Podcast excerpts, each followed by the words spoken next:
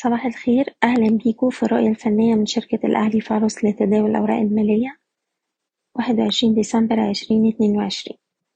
في جلسة امبارح المؤشر واصل الانخفاض للجلسة الرابعة على التوالي وقفلنا عند أقل مستوى في الجلسة عند أربعتاشر ألف خمسمية تلاتة وعشرين. امبارح كان في ضغوط بيعية على معظم الأسهم القيادية على رأسها البنك التجاري الدولي. جميع مؤشرات السوق قفلت على انخفاض. المؤشر دلوقتي من الأرجح إنه يعيد اختبار مستوى الدعم أربعتاشر ألف ميتين خمسة وسبعين وده أقل مستوى اتسجل الأسبوع اللي فات.